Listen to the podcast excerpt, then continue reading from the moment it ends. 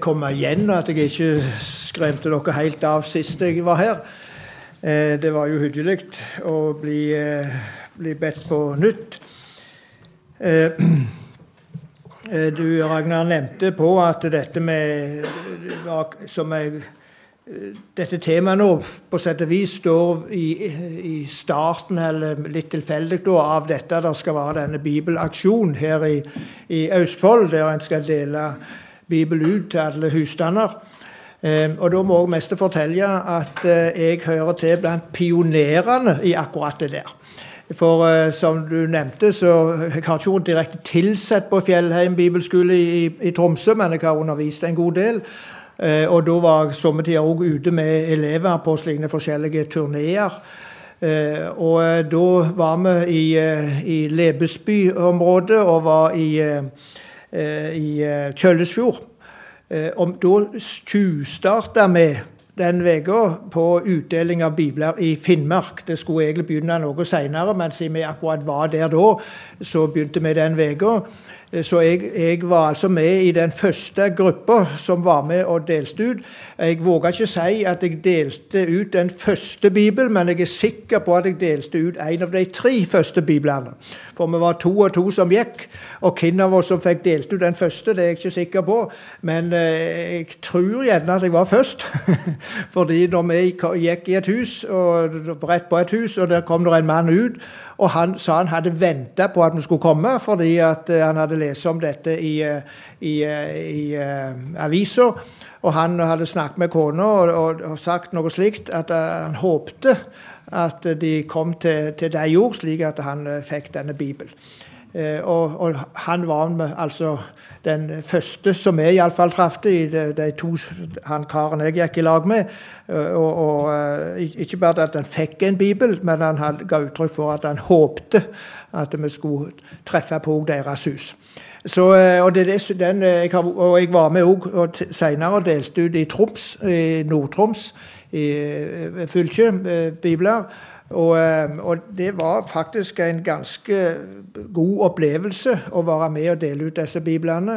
Og eh, oppleve òg at dette ble eh, tatt imot, og, og ganske mange venta på vi skulle komme. Og der folk ikke var hjemme, så var det en god del som henvendte seg etterpå for å få bibler. At en kom på nytt, eller at en sendte de til dem. Og En kan jo tenke at alle har bibler. men Det har de faktisk ikke.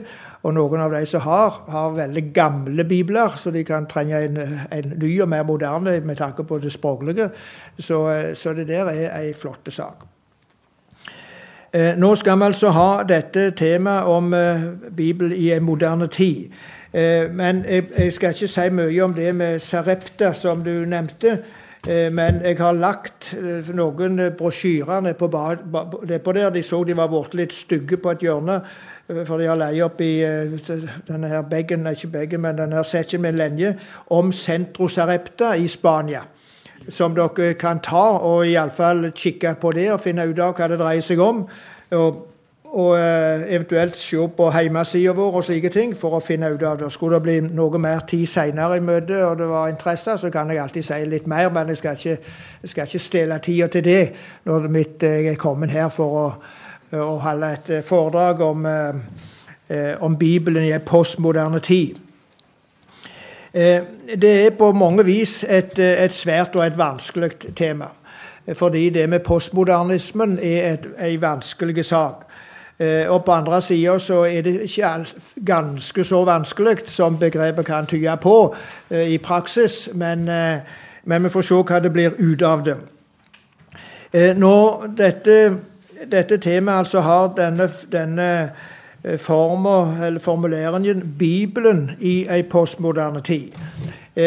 Når dette begrepet 'Bibelen' da tenker jeg nok, slik som jeg legger det ut nå, like mye forkynnelsen i ei post, postmoderne tid, eller kristen tru og tenkning i ei eh, postmoderne tid. Altså det som har med Bibelen, og som går ut ifra Bibelen å gjøre, i den tid som vi lever i. Og Det er jo naturlig først å si noen ganske få ord. Det blir bare stikkordsmessig om det med Bibelen og bibelsynet. Eh, fordi det, måten en tenker om Bibel på, og oppfatter Bibel på, er naturligvis avgjørende for hvordan en opplever Bibel i en postmoderne tid. Eh, og to-tre ord om det slik i starten. Det det helt grunnleggende i det som har med Bibelen og bibelsynet å gjøre, er, må vi si, at Bibelen er åpenbaring at Bibelen er en kunnskap som Gud ifra himmel og ifra sitt eget hjerte har gitt ned på vår jord og til oss mennesker. Eh, og bare la oss eh, ta med ifra, eh, ifra første Korinterbrev, ifra vers 9 til 13. Første Korinterbrev, kapittel 2, vers 9 til 13. Og jeg, eh, det, det, er jo eh, fint at dere her borte i Østfold får noe nynorsk opplese. Forresten, formannen i Norges Mållag jeg bor visst i Fredrikstad, tror jeg, så, så, det må være nært og, og kjent. Eh, men iallfall står det slik Men som skrevet står, det som øyet ikke så og øret ikke hørte, og som ikke kom opp i noe menneskehjerte, det har Gud etla åt de som elsker Han. Men oss har Gud åpenbara det ved sin ande. For anden gransker alle ting, også djupnen i Gud. For hvem av mennesker veit hva som bor i et menneske, uten menneskeånda som er i det? Såleis veit heller ikke noen hva som bor i Gud, uten Guds ande. Men vi har, fått, men vi har ikke fått den ånda som hører verda til, men den anden som er fra Gud, så vi skal kjenne det som Gud i sin nåde har gitt oss. Og dette forkynner vi, ikke med ord som menneskelig visdom har lært oss, men med ord vi har lært av Anden. Vi tolker åndelige ting med åndelige ord.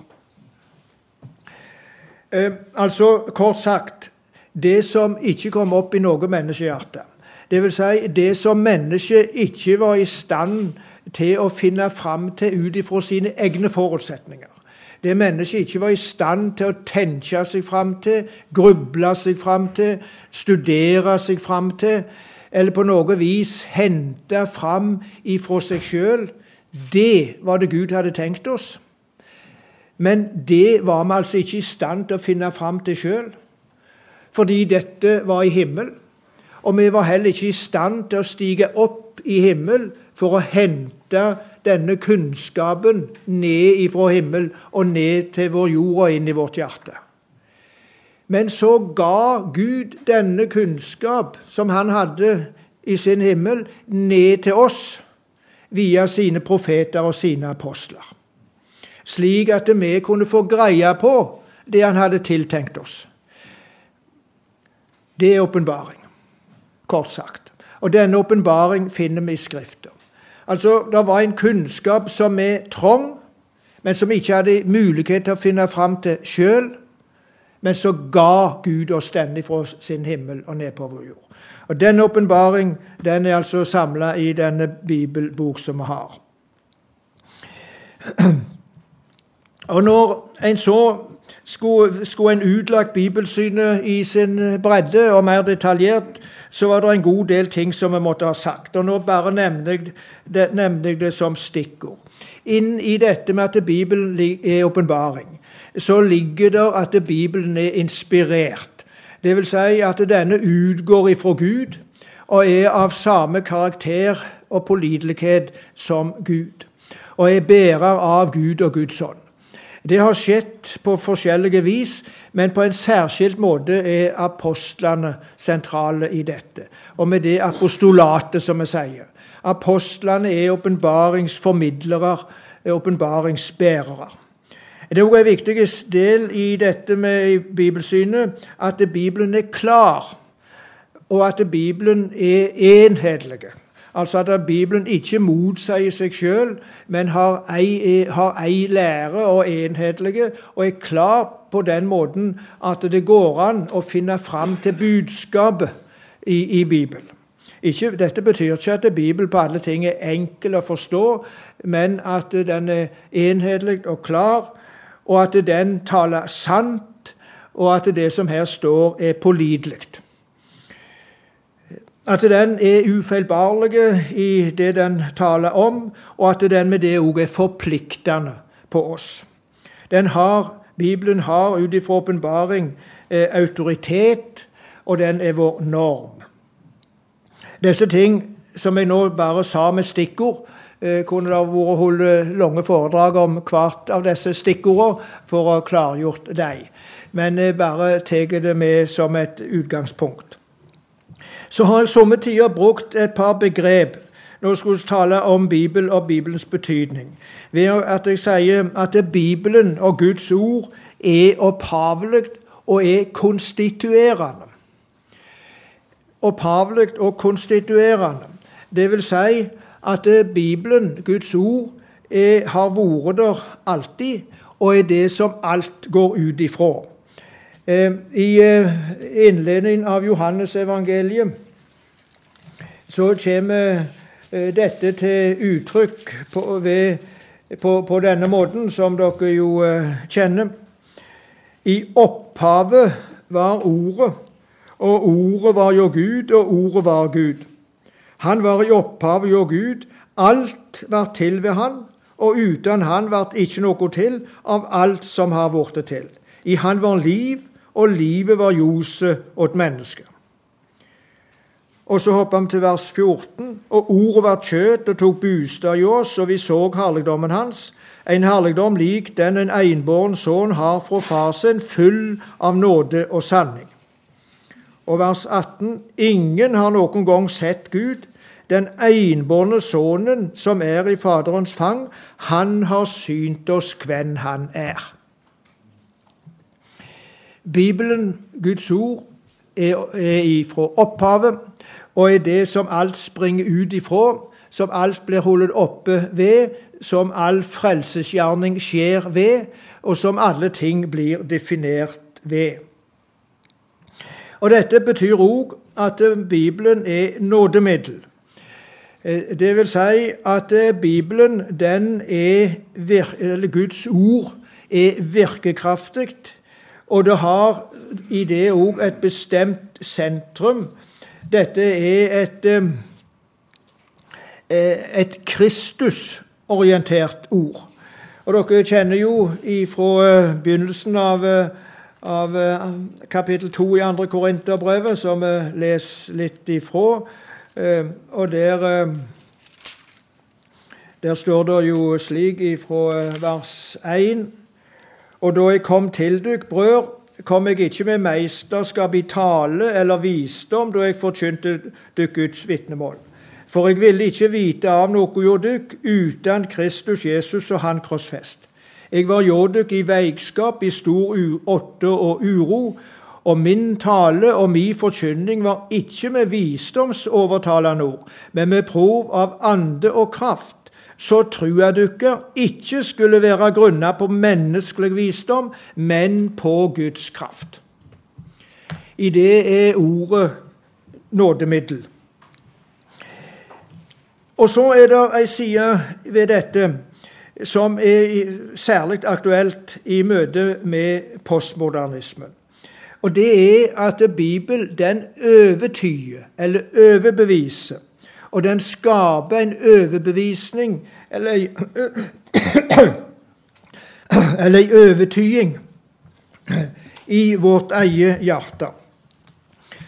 Og det er blitt sagt, jeg siterer det iallfall etter Øyvind Andersen, at eh, det, han sa at eh, det er ikke vi som har en overbevisning, men det er overbevisning som har oss. Du er blitt fanga inn av, av, en, en, av, en, tanke, en sannhet, som blir styrende for ditt liv. Og Dersom dere går hjem og slår opp i ei bibelordbok, så vil dere, tror jeg, oppdage at ordet 'overbevisning' på bokmål, eh, eller å overbevise den type ord, det vil dere finne ganske mange flere plasser i Bibelen enn det dere i utgangspunktet kanskje hadde tenkt. I dette avsnittet som, eh, som uh, Paulus, eller i brevet I det andre brevet til Timoteus, i kapittel 3, er det et veldig viktig avsnitt med tanke på skriftsynet. Og Der står det slik ifra vers 14, altså i 2. Tim 3, 14 og ut. Men bli du værende i det du har lært og er overtydd om. For du har ikke lært det, for du veit hvem du har lært det av. Og heilt fra barndommen kjenner du de hellige skriftene, som kan gjøre deg vis til frelse ved trua på Kristus Jesus. Hele Skrifta er innandet av Gud og nyttig til lærdom, til overtyding, til rettleding, til oppsing i rettferd, så Guds menneske kan være fullkomment dugende i all gjerning. Og videre i kapittel 4. Jeg vitner for Gud og Kristus Jesus, som skal dømme levende og døde, og ved Hans komme og Hans rike. Forkynn ordet, vær bydd i tid og i utid, overtid. Tal til rette og tal til trøst. Påminn med all langmod og all ære. For det skal komme ei tid da de ikke skal tåle den sunne lære, men etter sine egne lyster skal de ta seg lære mengdevis ettersom det klør dem i øret. Altså, Bibelen skaper overbevisning, overtyding, og det er det stikk motsatte av det postmodernismen står for. For er det noe som postmodernismen ikke tåler, så er det overbevisning. Vil si, den tåler én overbevisning, og det er at det ikke går an å bli overbevist av noe som helst. Altså at alt flyter. Det er den eneste overbevisning som du kan ha, i den grad det måtte kunne kalles en overbevisning. Og med det så er, er en inne med spørsmålet med, med selve spørsmålet om sannheten. Og du kunne jo mest tro at disse moderne, moderne postmodernister hadde lært av en mann i Skrifta som het Pilatus. For når han forhørte Jesus, så er det jo fortalt slik Pilatus sa da til ham, men så er du da konge. Jesus svarer, du sier det, jeg er konge. Til det er jeg født, og til det er jeg kommet til å være, at jeg skal vitne for sanninga. Men hver den som er av sanninga, hører mi røst. Pilatus sier til han, hva er sanning? Og da han hadde sagt det, gikk han ut til jødene og sa til dem, jeg finner ingen skyld, Johan. Og Når han da sporer dette, reiser dette spørsmålet hva er sanning, så var det helt tydelig at han ville ikke ha svar på hva sannheten er. Men det var å kort og godt problematisere hva er sanning. Det er det jo ingen som kan svare på. Og Det er nettopp det som er selve saken i postmodernismen, at spørsmålet om sannheten løses opp. Jeg har tatt med noen bøker her. Det må en alltid ha med når en skal holde foredrag, slik at det virker som en har studert dette her. Det er jo ingen som vet hvor mye en har lest dem, men jeg har faktisk lest disse bøkene, enten du tror det eller ikke. Eh, han Arne Helge Teigen, som er jo på Fjellhaug, som eh, i førsteamanuensis der, han eh, har jo skrevet denne her dogmatikken, innføring i, i kristen tro. Og Han skal bare ta med litt, bare for å aktualisere det ut ifra hvordan han skriver om dette. Han har et slik en, en sak her der han tar opp akkurat dette med skapelse, språk, menneske og virkelighet. Fordi postmodernismen, når den skal være opptatt med eller avvise egentlig dette at vi kan finne fram til sannheten, så er det fordi den sier at det språket vårt ikke er i stand til å fange sannheten eller til å uttrykke sannhet. Språk er egentlig bare lyder, kvakk, kvakk, som folk tolker som de vil. Og da skriver han noe slikt tar noen ting. Enkelte toneangivende postmoderne filosofer mener at enhver forståelse og språklig framstilling av virkeligheten er å betrakte som illusoriske. Vi vet egentlig ingenting om virkeligheten, sier en av disse filosofene. Våre begreper og ideer om virkeligheten eksisterer bare i våre tanker, ikke i virkeligheten selv. Og Derfor opererer en òg med mennesker, at mennesket vet en ikke heller så mye om. En snakker om en forestilling om mennesket. At mennesket er en konstruksjon, og det er dette med konstruksjon som ofte går igjen. Og dekonstruksjon for å avsløre av visse ting. Og, eh, og denne filosofen som han refererer til, han taler også om det med forholdet om kjønn og forhold mellom kjønn. For ham er selvsagt også begreper som mann og kvinne språklige konstruksjoner som egentlig ikke eksisterer i virkeligheten. Altså kjønn, mann og kvinne eksisterer ikke i virkeligheten. Det er ganske godt påkommet. Eh, det er konstruksjoner. Kjønnsmessige særpreg og kjønnsbetingede relasjoner mellom mann og kvinne betrakter han derfor som kulturbetingede konstruksjoner. De kan oppløses og erstattes med noe annet dersom det er hensiktsmessig. Og Jeg trenger jo ikke legge ut det med tanke på vår tid, hvordan det nettopp nå har, har skjedd. Saken er nemlig at Bibelens tale om skapelsen gir visse fundamentale forutsetninger for å forstå forholdet mellom ord og virkelighet rett. Ikke minst gjelder dette hva Bibelen sier om skapelsen av mennesket. Ifølge skapelsesberetningen skapte Gud ved ord. Ved ord skilte han også mellom lys og mørke, himmel og jord, vann og tørt land, havet og dets dyreliv, landjorden og dens liv. Til sist skapte han mennesket og kalte dem mann og kvinne, fordi han hadde skapt dem som to forskjellige kjønn. Alt dette viser at det er et visst samsvar mellom ordet og den skapte virkelighet. Ordet går forut for skapelsen. Det skapte blir til i samsvar med ordet, og ordet kommer så etter ved at Gud ved sitt ord konstaterer at det han har skapt, er i samsvar med hans skaperord.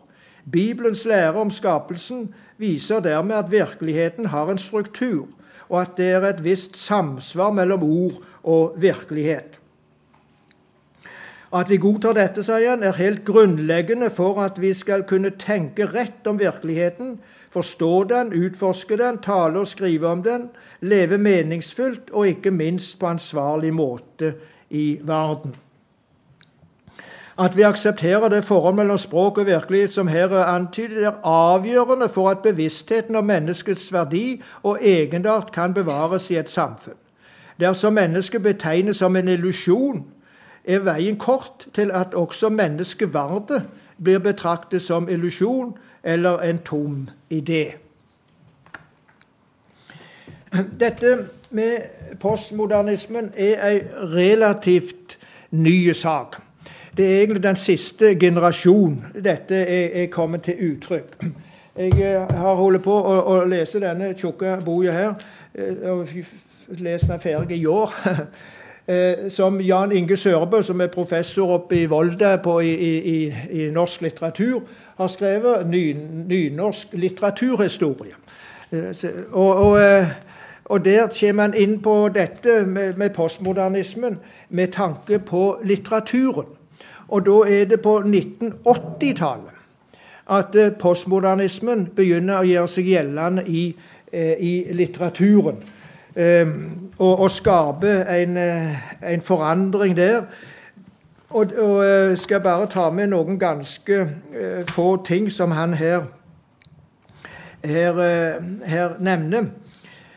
Altså, og, og, det har med måten de forstår språket å gjøre.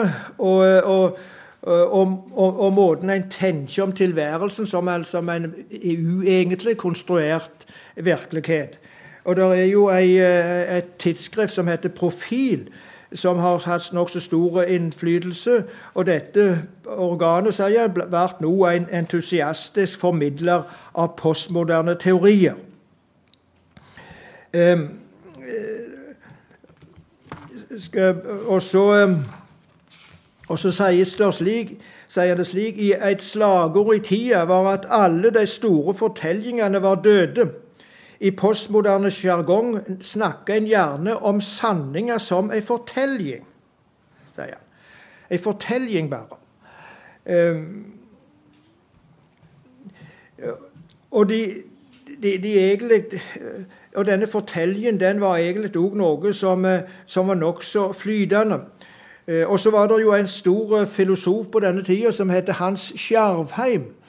Han reagerte mot dette, og han skriver Hans Skjervheim advarer mot den nye røystene og skrev at de inviterte til kulturelt selvmord fordi de rørte ved selve sanningsomgrepet. Eh, og En annen filosof, Jon Hellesnes, skrev romanen 'Den postmoderne anstalten' i 1986. Så advarer mot den nye tankemotene men for, øh, skriver han Jeg har ikke vært obs på den der boka, den postmoderne anstalten, så jeg har dessverre ikke lest den. Men det var altså noen av disse ledende filosofene som oppfatta problemet i, i, øh, i postmodernismen eh, da, da, denne kom. Eh, og Han skrev vi kan altså se ei rørsle bort fra det politiske, bort fra det hverdagslige og inn i språk, fantasi og, og myter. De store nasjonale eller religiøse fortellingene fra fortida fungerer ikke på samme måten som før. De er blitt postmoderne kulisser mer enn forpliktende narrativ eller fortellinger. Bare disse få glimter som viser at dette, dette kom på, på 80-tallet, men egentlig ikke, ikke, fikk seg utforming før på 90-tallet, og vel ved årtusenskiftet i, i stor grad. Eh, og La meg prøve å gå noe mer eh, inn, i, eh, inn i dette. Eh, og Når vi taler om eh, ei postmoderne tid, så vi jo, må vi jo tale om postmodern, postmodernismen som sådan. Og det er det jeg gjør mest nå. Eh, og ut ifra det så håper jeg at en, at en da får tak i noe av denne postmoderne ideologi og tenkning som, som preger samfunnet, som blir rådende og bestemmende. Og det paradoksale er at denne postmoderne ideologi og tenkning den er samtidig ensrettende og oppløsende. Det kunne en ikke tro var mulig. Men det er den faktisk. Den er ensrettende i det at den, den legger til grunn denne flytende forestilling. Og at det er bare den som rår, det er subjektive, relative. Og med det så er den samtidig oppløsende. Det blir ingenting absolutt igjen. Eh, og da, når en eh, går inn i dette da, Vanligvis så leser jeg ikke så mye i når gjelder foredrag, men her er det såpass uh, vanskelig somt av det at jeg er nødt til å kikke ned i manuset mer enn jeg normalt bruker uh, å gjøre. Uh, men det er altså slik, som dere vet, at Bibelen eller kristen forkynnelse den har så oppgave å formidle et eh, budskap ifra Gud som gir mennesket et møte med Gud. Det skjer gjennom lovevangelium, slik at mennesket kommer til erkjenning av sin synd, bekjenner sine synder og mottar syndstilgivelse med alt som ligger i det.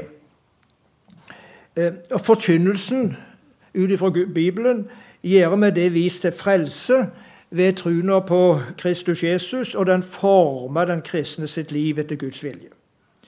Postmodern, postmodernismen derimot, det er den åndsretning og den kulturforståelse som avløste moderniteten. Førestaven gjør post. Det, det, har ikke med postvesenet å gjøre, altså. Eh, men det betyr etter. Eh, dere kjenner jo det at i kirka så har jeg noe som kalles postludium, som betyr etterspill. Eh, og her er post, det er postmodernismen det, som kommer etter modernismen. Eh, moderniteten den går tilbake til opplysningstida og darwinismen på 1800-tallet, mens postmodernismen altså er bare en slik ca. en generasjon gammel. Og Postmodernismen den har med det avløst modernitetens ensidige tru på det rasjonelle, på tanken og på fornuften. Og denne postmodernismen den orienterer seg i langt større grad ut ifra våre kjensler, følelser og våre opplevelser. Og denne, dette har skjedd fordi at uh, en tenkte at det bare en brukte sin tanke og sin rasjonalitet, så skulle alt bli så bra. Og så fikk en i stand første verdenskrig og andre verdenskrig og diverse ismer som var negative, så en mista på sett og vis truna på dette. Denne postmodernismen den går òg som hånd i hanske med evolusjonslæra og er antagelig et ektefødt barn av den. Bibelen eller kristen forkynnelse og postmodernismen er på mange måter motpoler. Eh, all kristen forkynnelse den har jo som forutsetning å tro at det fins en sannhet, og at denne er objektive og absolutte og gyldige for alle mennesker. Postmodernismen sier det motsatte. Den gir sannheten subjektive, personlige, relativ og flytende. Forkynnelsen har tillit til språket og forutsetter at det er mulig å formidle sannhet gjennom ord. Postmodernismen sier jo her det motsatte. Nemlig den avvises at språket er i stand til å fange og formidle tilværelsen på en sann og reell måte. Forkynnelsen har en, et budskap å bringe og hevde at eh, dette budskapet er aktuelt og gyldig for alle mennesker. Mens postmodernismen er uten noe som helst budskap av den type karakter, og gjør det hele subjektivt og personlig, eh, funksjonelt og relativt. Bibelen og forkynnelsen er etter sitt vesen autorativ og normativ og rette seg med det mot menneskets erkjennelse og menneskets samvittighet, og forplikte samvittigheten. Postmodernismen er til sitt vesen relativt og flytende og bygger på å orientere seg mot folks erfaringer, opplevelser og kjensler. Kristen forkynnelse stiller folk inn for Gud og forplikter den enkelte på Gud. Mens postmodernismen stiller folk inn på seg sjøl. Og enda en avart av individualisme som sier at noe er sant, rett og godt for meg, og noe annet for deg. I eh, postmodernismen så kan hva som er rett og sant og godt, det kan variere med tida, med kulturen og situasjonen. Mens eh, kristen forkynnelse og Bibelens lære bygger på allmenne og eviggyldige sannheter. Postmodernismen den henter sitt innhold ifra det denne sidige. For mennesket og for menneskets erfaringer, kjensler og opplevelser. Kristen forkynnelse henter altså sitt, sitt innhold fra åpenbaringen fra Gud, gitt oss i Bibelen, altså fra Guds ord. Postmodernismen den spør etter hva en kan kjøpe og selge, etter hva som funker, og hva som tjener meg og mine, uten å feste det til noen overordna norm eller til noen autoritet utenfor seg sjøl. Kristen forkynnelse er forplikta på Gud, hans vesen og vilje, slik at hva som er rett, godt og sant, det er definert av Gud og er gyldig og forpliktende for alle mennesker til alle tider. Postmodernismen forplikter ingen eller på noen som helst ting. Når vi prøver slik å helle ting opp imot en annen, så ser en hvordan dette er er motpoler, og hvordan postmodernismen, når denne postmodernismen preger et samfunn og en kultur, så blir det kjempeutfordringer for forkynnelsen fordi det preger folks tankegang. Enten en nå har forstått at det, dette dreier seg om postmodernisme eller ikke, så gjør det det. Og folk flest kan jo ikke, kan ikke begrepet postmodernisme engang. Og, og iallfall hun ville be de forklare hva det var, så var de totalt hjelpeløse i å forklare det. Men de er preget av det fordi det preger i så stor grad tida. Eh, og Det kunne holde på mye lenger med denne type opprekninger av motsetninger mellom postmodernismen og, og, og kristen eller Bibel og kristen forkynnelse. Eh, men det er noe som er positivt, om vi skal si det slik, med postmodernismen, og som gir åpning for forkynnelsen. Og det er særlig den åpne holdning som postmodernismen har til hva som kan være sant, rett og godt. I, i motsetning til moderniteten, som altså bestemte det på forhånd. Så, og det som avvek fra det, det, det, det var avvist. Nå er det en åpning for at ulike ting kan være rett. Og det utelukker i utgangspunktet ikke den kristne budskap som kommer ved forkynnelsen. Men det gir en viss åpning for at folk kan lytte til denne. Ved at ikke noe er avvist i utgangspunktet, så kan heller ikke den kristne budskapen utelukkes i utgangspunktet. Eh, selv om om, eller kristendommens krav på å være absolutt og eviggyldig, det er jo prinsipielt umulig. Eh, postmodernismen den har en lyttende og drøftende holdning. Og postmodernismen sin vekt på det subjektive og personlige, på erfaringer og følelser, åpner også for den personlige og subjektive sida i kristendommen.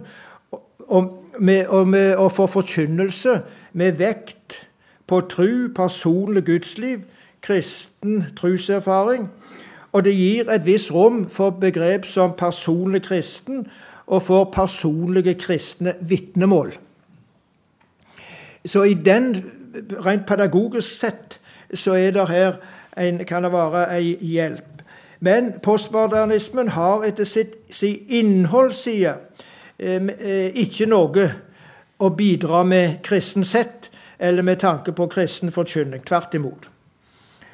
Derimot så gir altså den åpne holdning i postmodernismen et større rom for kristen forkynnelse og kristen tro enn den absolutismen som rådde i moderniteten. Trass i at denne var mer opptatt med at det var en allmenn sanning, og at det var mulig å finne fram til denne men det skulle altså skje via fornuften og tanken. Moderniteten var på mange vis et lukka rom og ga et lukka system som bare det som passet inn i moderniteten, hadde rom innen.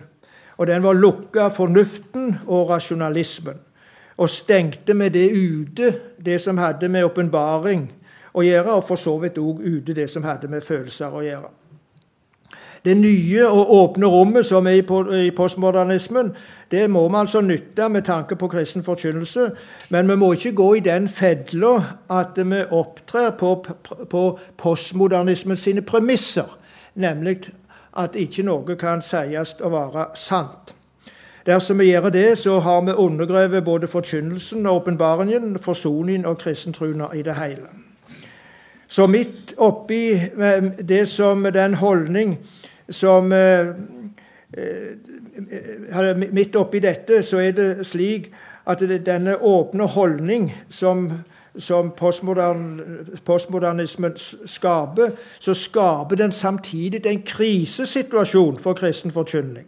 Og er med det en kjempeutfordring for alt eh, kristent arbeid og for kristen tru. Og Det gjør at det er forholdsvis lett å få folk til å stå fram med ei kristen bekjennelse, men det er vanskelig å gjøre folk til Jesu læresveiner. Det vil si til å leve i samsvar med Guds ord og la seg forplikte på sannheten i Skrifter. Det blir en form for mi tru. Altså det, og Da betyr det ikke at jeg tror, men da betyr det mi tru at jeg definerer sjøl min tro og definere sjøl hva det er å være kristen, og det definerer jeg slik som det passer meg. Eh, opp gjennom historier så har det vært mange ulike tenkemåter og filosofiske retninger. Og, eh, og, Noen har stått i et klart konfliktforhold til kristen tro og forkynnelse, mens andre har orientert seg ut ifra kristen Guds forståelse, og ut ifra at Gud har gitt seg til kjenne i sitt ord i Bibelen. Og I mellomalderen og opp i reformasjonstida var jo det nokså enerådende. Men i de mange variasjonene som idé- og, og filosofihistorie viser oss, så har det i all hovedsak vært enighet om at det finnes ei allmenn og objektiv sannhet. Spørsmålet har vært hvordan en skulle finne fram til denne, og hva denne sannheten i praksis var. Men at det var en allmenn og objektiv sannhet, var en i stor grad enig om. Men dette bryter altså postmodernismen radikalt med og innfører en helt ny tenkemåte. Eh, de mange historiske varianter av tenkemåter de spinner i hovedsak om to hovedprinsipp. Den ene tar utgangspunkt i at det fins en objektiv og eviggyldig sanning før og utenfor mennesket. Og det er denne det gjelder å finne fram til. Det store spørsmålet er da hvordan en finner fram til denne sannheten. Den andre hovedretningen tar utgangspunkt i mennesket, og at sannheten ligger i mennesket sin tanke og erkjennelse. Men at det òg som ligger i mennesket, er felles for alle mennesker. Og en vil finne denne om en bare makter å finne, forklart hva dette dreier seg om. Og det kan en fordi mennesket er et rasjonelt vesen, og sannheten er rasjonell. Og Noen har da som utgangspunkt for det at Gud er rasjonell, og han har skapt et rasjonelt menneske. Og da må en kunne finne fram til det samme alle, om en han har sagt tenker lenge nok og, og, og grunne på, på dette. Postmodernismen avviser begge disse tenkemåtene idet den ikke har tillit til mennesket og sannhetens rasjonalitet, men orienterer seg ut ifra det subjektivt følte. Eh, og, og han har òg mistillit til at sannheten kan formuleres i ord. Og med det så er altså det med språket en viktig ting. Og det har gått opp for meg i de senere år ganske mye sterkere enn tidligere. Særlig når jeg har jobba med dette med postmodernismen. At forståelse av hva språk er, er veldig viktig. Eh, det har vært nokså selvsagt tidligere, kanskje, men det er ikke, er ikke det lenger. Eh, som del av denne tenking ut ifra postmodernismen eh, så, så har det altså med dette forståelsen av språket og hva mennesket ved hjelp av språk kan gjøre, er viktig. Språkfilosofien har derfor ofte stundet sentralt, og ikke minst nå. Og tross i at det er ulike oppfatninger av språket og mennesket som talende vesen, så har en tidligere i all hovedsak holdt fast på at språket svarer til virkeligheten og til den tilværelse som vi er del av, slik at mennesket kan formulere sannheten i ord og formidle denne på en saksvarende måte gjennom tale, slik at en kan tale sant om tilværelsen og virkeligheten. Slik er det altså ikke, ikke lenger. Og bare La meg aktualisere det lite grann. Dette at sannspråket og vår tale kan svare til virkeligheten, er på noen områder helt avgjørende. Og derfor denne, denne, denne postmoderne måten å tenke på, som oppløser forholdet mellom språk og sannhet, og mellom språk og virkelighet, den, den, den er ikke praktikabel, altså. Jeg husker for noen år siden vi skulle starte lærer, lærerhøgskole, Eh, så var Gud og holdt noe møte for, for lærerhøgskolen på Breistein, NLA, sin lærerhøgskole på Breistein. Torgeir og meg var aktive i den prosessen. Eh, så, eh, så hadde vi møte, og så var det en nytilsatt matematikklærer som var med meg. Og så sa jeg noen ting om at det var viktigheten av å få kristen tro og tenkning inn i alle fag og som skulle prege liksom, tenkningen. Men så sier jeg til han men det, det er rett nok ikke så lett inn i matematikken, det der, sier jeg. Så skulle han ha ord etterpå, så sier han det der du sa om matematikken, det stemmer ikke, sa han. Fordi, sa han, matematikken er snart det eneste området der en holder fast på sannheten. Og der vi er helt avhengige av at det er noe som er sant. Vi er avhengig av at to pluss to er fire. For, og det samme gjelder i fysikken. For at vi skal kunne berekne og bygge ei bru, og den blir holdbar. Og for at du skal gjøre beregninger for at du skal kunne lande på månen, så er du avhengig av at det er sant. Og, og, og hvis, det, hvis det dette gjelder i matematikken, så er det jo merkelig at det ikke skulle gjelde i de mer grunnleggende ting som det moralske. Og gjelde i de mer grunnleggende ting som gjelder hele virkelighetsforståelsen.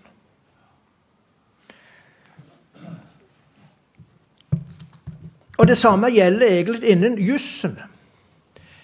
Det er veldig vanskelig å være, å være advokat, å være dommer, hvis du ikke kan forholde deg til de juridiske tekstene, lovtekstene, som absolutte. Men tenk at de kan du lese som du vil.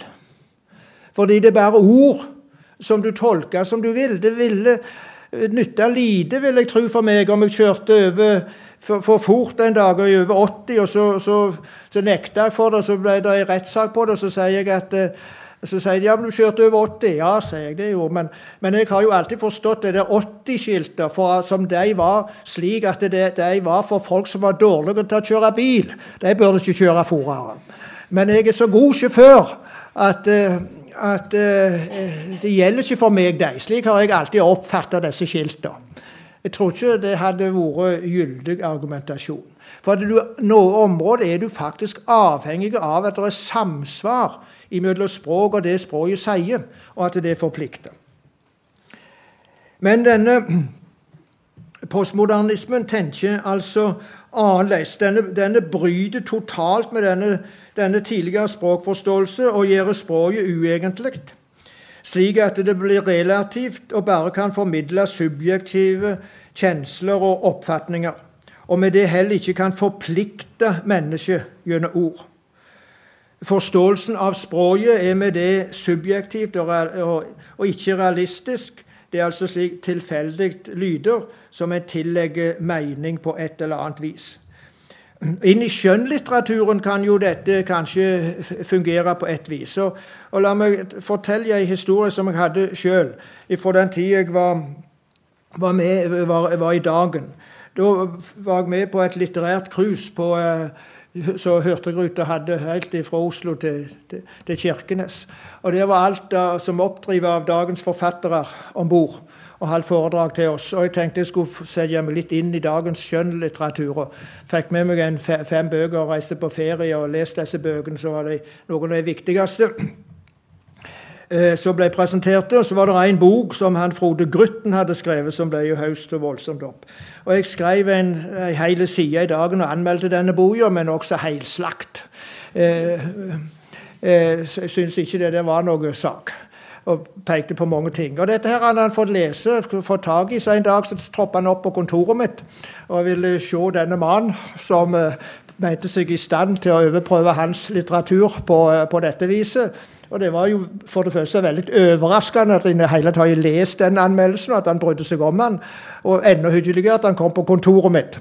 Så vi hadde en prat på en, en times tid, og, og, og ja, så gikk jeg gjennom dette her. Og så på slutten sa han og Han var jo veldig uenig naturligvis med min anmeldelse. Men så på slutten sa han Men sa han, jeg har jo egentlig ingenting jeg skulle ha sagt.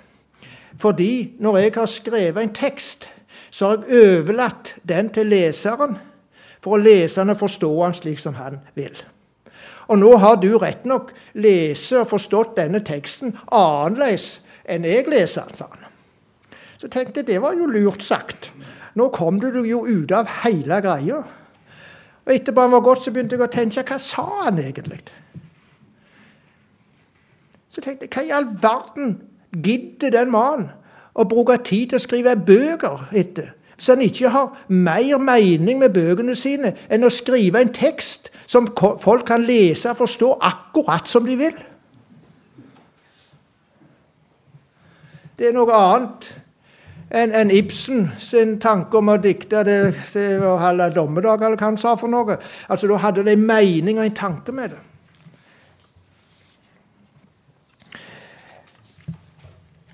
Dette med postmodernisme er egentlig ei, vanskelig sak.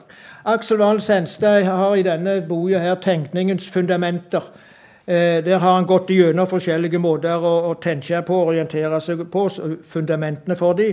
Eh, og der går han òg gjennom postmodernismen eh, som grunnparadigme, som det heter. Eh, og hevder at denne tenkemåten er kanskje den vanskeligste tilgjengelige, det vanskeligst tilgjengelige grunnparadigmet av alle forskjellige tenkemåter, altså, fordi det bryter med all konvensjonell tenkning og språkforståelse, og fordi det utvikles på et til dels meget abstrakt og uanskuelig plan. Da han sier noe om at det tenkes på en, her på en fundamentalt ny måte. Og hele tenkemønsteret bryter med kristen tro, med kristen skapelsesforståelse og åpenbaringstenkning. Eh, og jeg eh, kan jo sitere overskrifta i det minste på, på dette, eh, på, på denne, dette, dette kapitlet om, om postmodernismen. Det har denne populariserte og enkle tittel. Det postmoderne, nihilistisk, dekonstruksjonsontologiske grunnparadigme. Skal jeg lese det opp igjen? Det postmoderne, nihilistiske, dekonstruksjonsontologiske grunnparadigme heter det, det kapitlet eh, der han skriver disse, disse ting.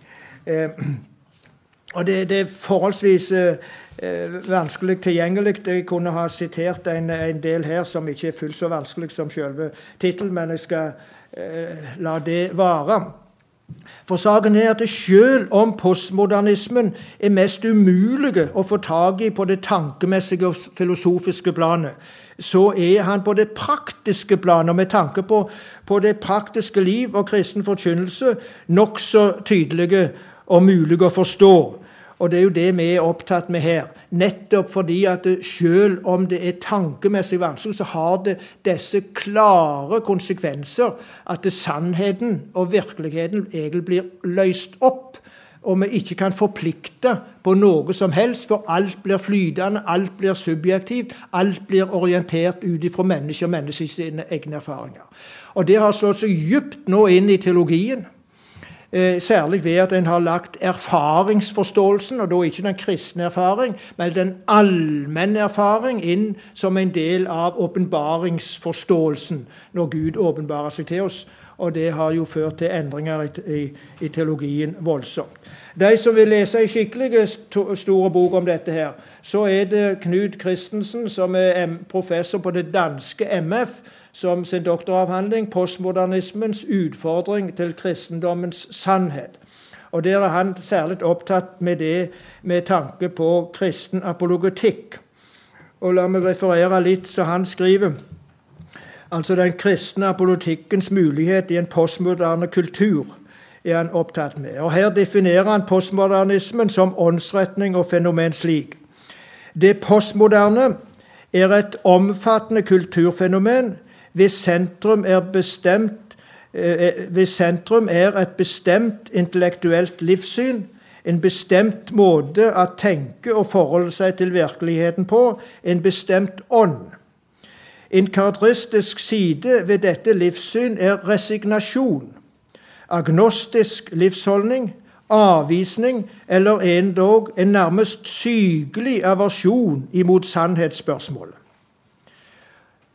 Mens Bibelen altså er opptatt med nettopp sannheten og åpenbaringen av sannheten.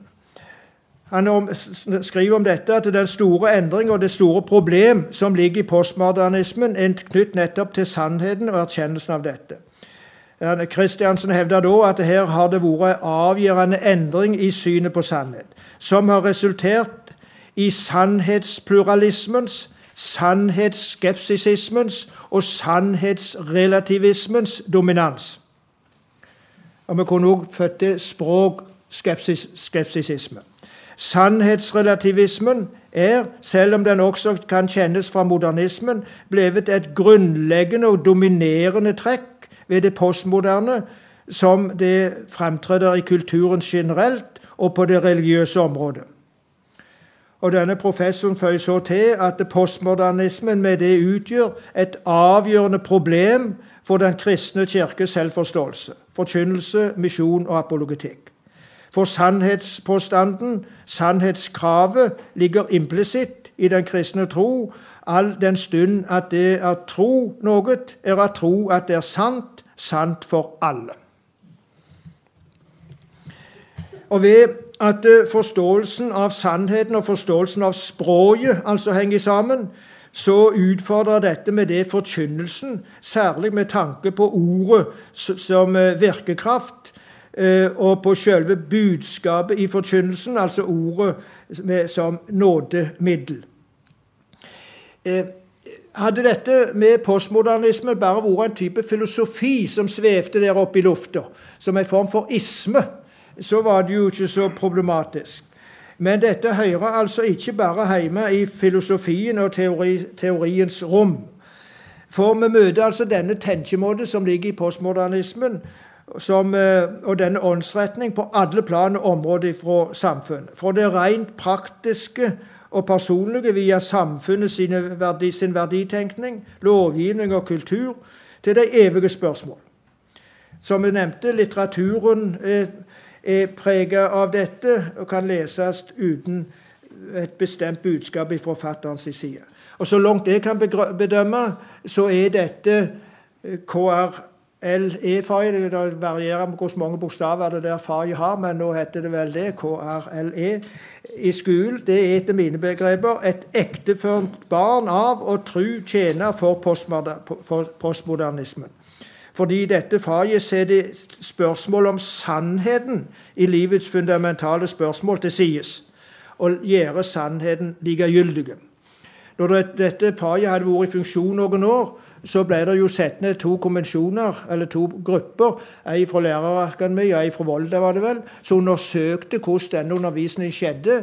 Og de kom til at 90% av lærerne enten settes til sides hele spørsmålet om sannhet i, i møte med religioner. Fordi det var umulig ut ifra faget sin karakter å ta stilling til det. Og så har du det samme i media. Media sine, sine kortfatta, slagordmessige og fragmentariske framstillinger av forskjellige ting og virkeligheten, der en ikke ser det som skjer i noen sammenheng eller ut ifra et overordna perspektiv, men bare liksom blokkvis, glimt, det drar i samme retning. Eh, det preger folk sin eh, måte å tenke på, eller manglende evne til å tenke. Det syns jeg har opplevd i, i møte med en del ungdom. at De er ikke dummere enn før, og de har ikke mindre kunnskap heller. Men det å tenke sammenhengende I prinsipp da detter de fort av lasset. Jeg drev underviser, og så sa de at undervisningen min var så vanskelig. Så sa jeg at jeg forstår ikke det. Jeg underviste slik på 80-tallet òg. De forsto den da. Og så måtte jeg prøve å få dem til å forstå dere må jo følge et resonnement. Ikke bare hoppe inn som dere gjør på Internett og PC-en, og bare pst, pst, pst, pst, pst, punkt på punkt. Dere må lære dere å se ting i sammenheng og i perspektiv. Men denne postmodernismen, den bare uh, gjør alt i, i blotcher.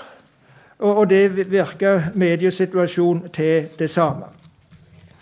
Uh, nå uh, må jeg etter hvert komme meg i havn her, ser jeg. Skulle vel sikkert ha sagt ammen allerede.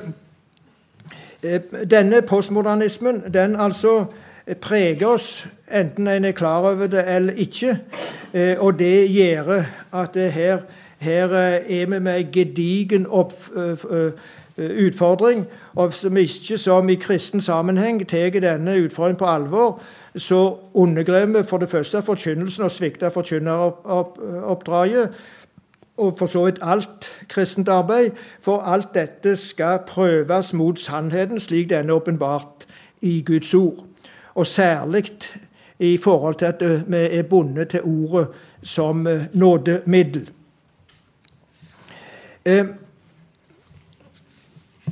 For oss er det jo slik, etter kristen tenkning, at språket det er Språket er er, er, er altså Guds ord. For oss er det jo vårt språk. Og språket som Guds ord Og språket er ei gave til mennesket av en slik karakter og kvalitet at det svarer til den virkelighet som Gud har skapt, og til den, til den tilværelse som vi lever innen. Og at vi det, ut ifra det kan uttrykke og formidle sannhet. Slik er det etter kristen tenkning om språket. Og Derfor kan Gud i Bibelen bruke det menneskelige språk til å formidle sin åpenbaring fra, Han og til oss. Og med det gjøre kjent for oss hvem Han er, slik at vi kan tro på Gud slik Han har synt seg for oss i Kristus. Gjennom språket så får vi en sann forståelse av hvem Gud er, og den sannheten bærer ei overbevismakt i seg, og deri ligger ordets nådemiddel og overbevisningsmakt. Og det må vi holde fast på i klar opposisjon til den postmoderne tid og den postmoderne forståelse av språket og sannheten som vi møter. Ordet som nådemiddel det har altså sin forutsetning i, i selve skapelsen, og at alt er skapt ved Guds ord, og at mennesket er skapt i Guds bilde, slik at vi kan respondere på Guds, Guds tiltale til oss. Altså Etter postmoderne tanke er Bibelen ikke bærer av en bestemt sannhet. Eller Bibelen må ikke forstås på en bestemt måte. Det ville vært, faktisk heller ikke vært mulig ut ifra postmoderne tanke, fordi språket er ikke i stand til å fange inn eller formidle en bestemt budskap. Og fordi sannheten faktisk ikke fins. Det lengste en kan komme når det gjelder sannheten, det er å søke sannheten og sannheten, blir det sagt, ligger i sjølve søkningen etter sannhet. Men den kan til enhver tid endres. Jeg registrerte en gang denne store og, og, på mange vis fascinerende professor Arne Næss, som døde jo for noen år siden. Han fikk spørsmål om sannheten, og hvordan en fant sannheten. Og Da svarte han det. Sannheten, sa han, ligger i, den ligger i søkningen etter sannheten. Er det noen av dere som forstår den setning, så må dere rette opp ei hånd. For den setning er, og det håper jeg ingen retter opp hånda, for den setning er så meningsløs. Eh, at hadde jeg som emissær uttalt det på, på fjernsyn, så, jeg sagt, så kan du høre hvor dumme disse emissærene er. Men når en professor i filosofi sier det, så er det den store sannheten. Altså Sannheten Det er ikke det at du søker til du finner sannheten, men sannheten ligger i selve søkningen. Og da bruker en I stedet for å diskutere ting, så bruker en ordet diskurs. For diskurs det betyr å springe hit og dit. Og da er, det, er sannheten der du til enhver tid er. Men i dag er jeg her, og i morgen er jeg der, og sannheten følger med. Og du er der, og jeg er der.